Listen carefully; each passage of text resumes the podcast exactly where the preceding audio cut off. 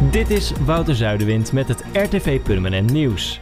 Een tussenwoning uit 1967 in Purmerend is genomineerd voor de titel Het duurzaamste huis van Nederland. Bijna 100 woningen deden mee aan de verkiezing uiteenlopend van duurzame monumenten tot innovatieve nieuwbouwwoningen. De woningen zijn op basis van bouwjaar en woonoppervlakte verdeeld in zes categorieën. Een jury beoordeelt per categorie de woningen aan de hand van verschillende criteria zoals toekomstbestendigheid, gebruik van materialen, energieverbruik, creativiteit en comfort. De Purmerense woning geeft volgens de jury het goede voorbeeld aan het land, met isolatie van de kruipruimte en van de zolder, zonnepanelen en een waterpomp.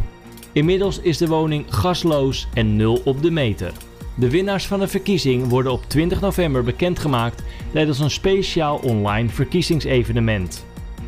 Van 5 tot en met 9 oktober was de Week van de Toegankelijkheid en ook onze gemeente heeft hier aandacht aan besteed. De focus lag dit jaar op digitale toegankelijkheid. De gemeente heeft zo'n 15 verschillende websites in beheer die voor alle inwoners te begrijpen moeten zijn.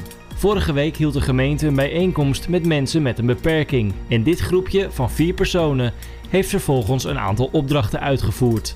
Zo konden ze zien welke belemmerend waren en hoe de gemeente bepaalde onderdelen beter kan maken.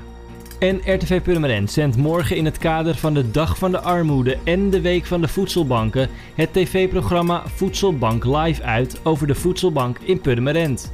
Anita de Snaaier van de Voedselbank Purmerend zal vertellen over de voedselbank zelf. En met wethouder Mario Hegger, verantwoordelijk voor armoedebestrijding, wordt gesproken over de armoede in Purmerend. De uitzending begint zaterdag om 2 uur.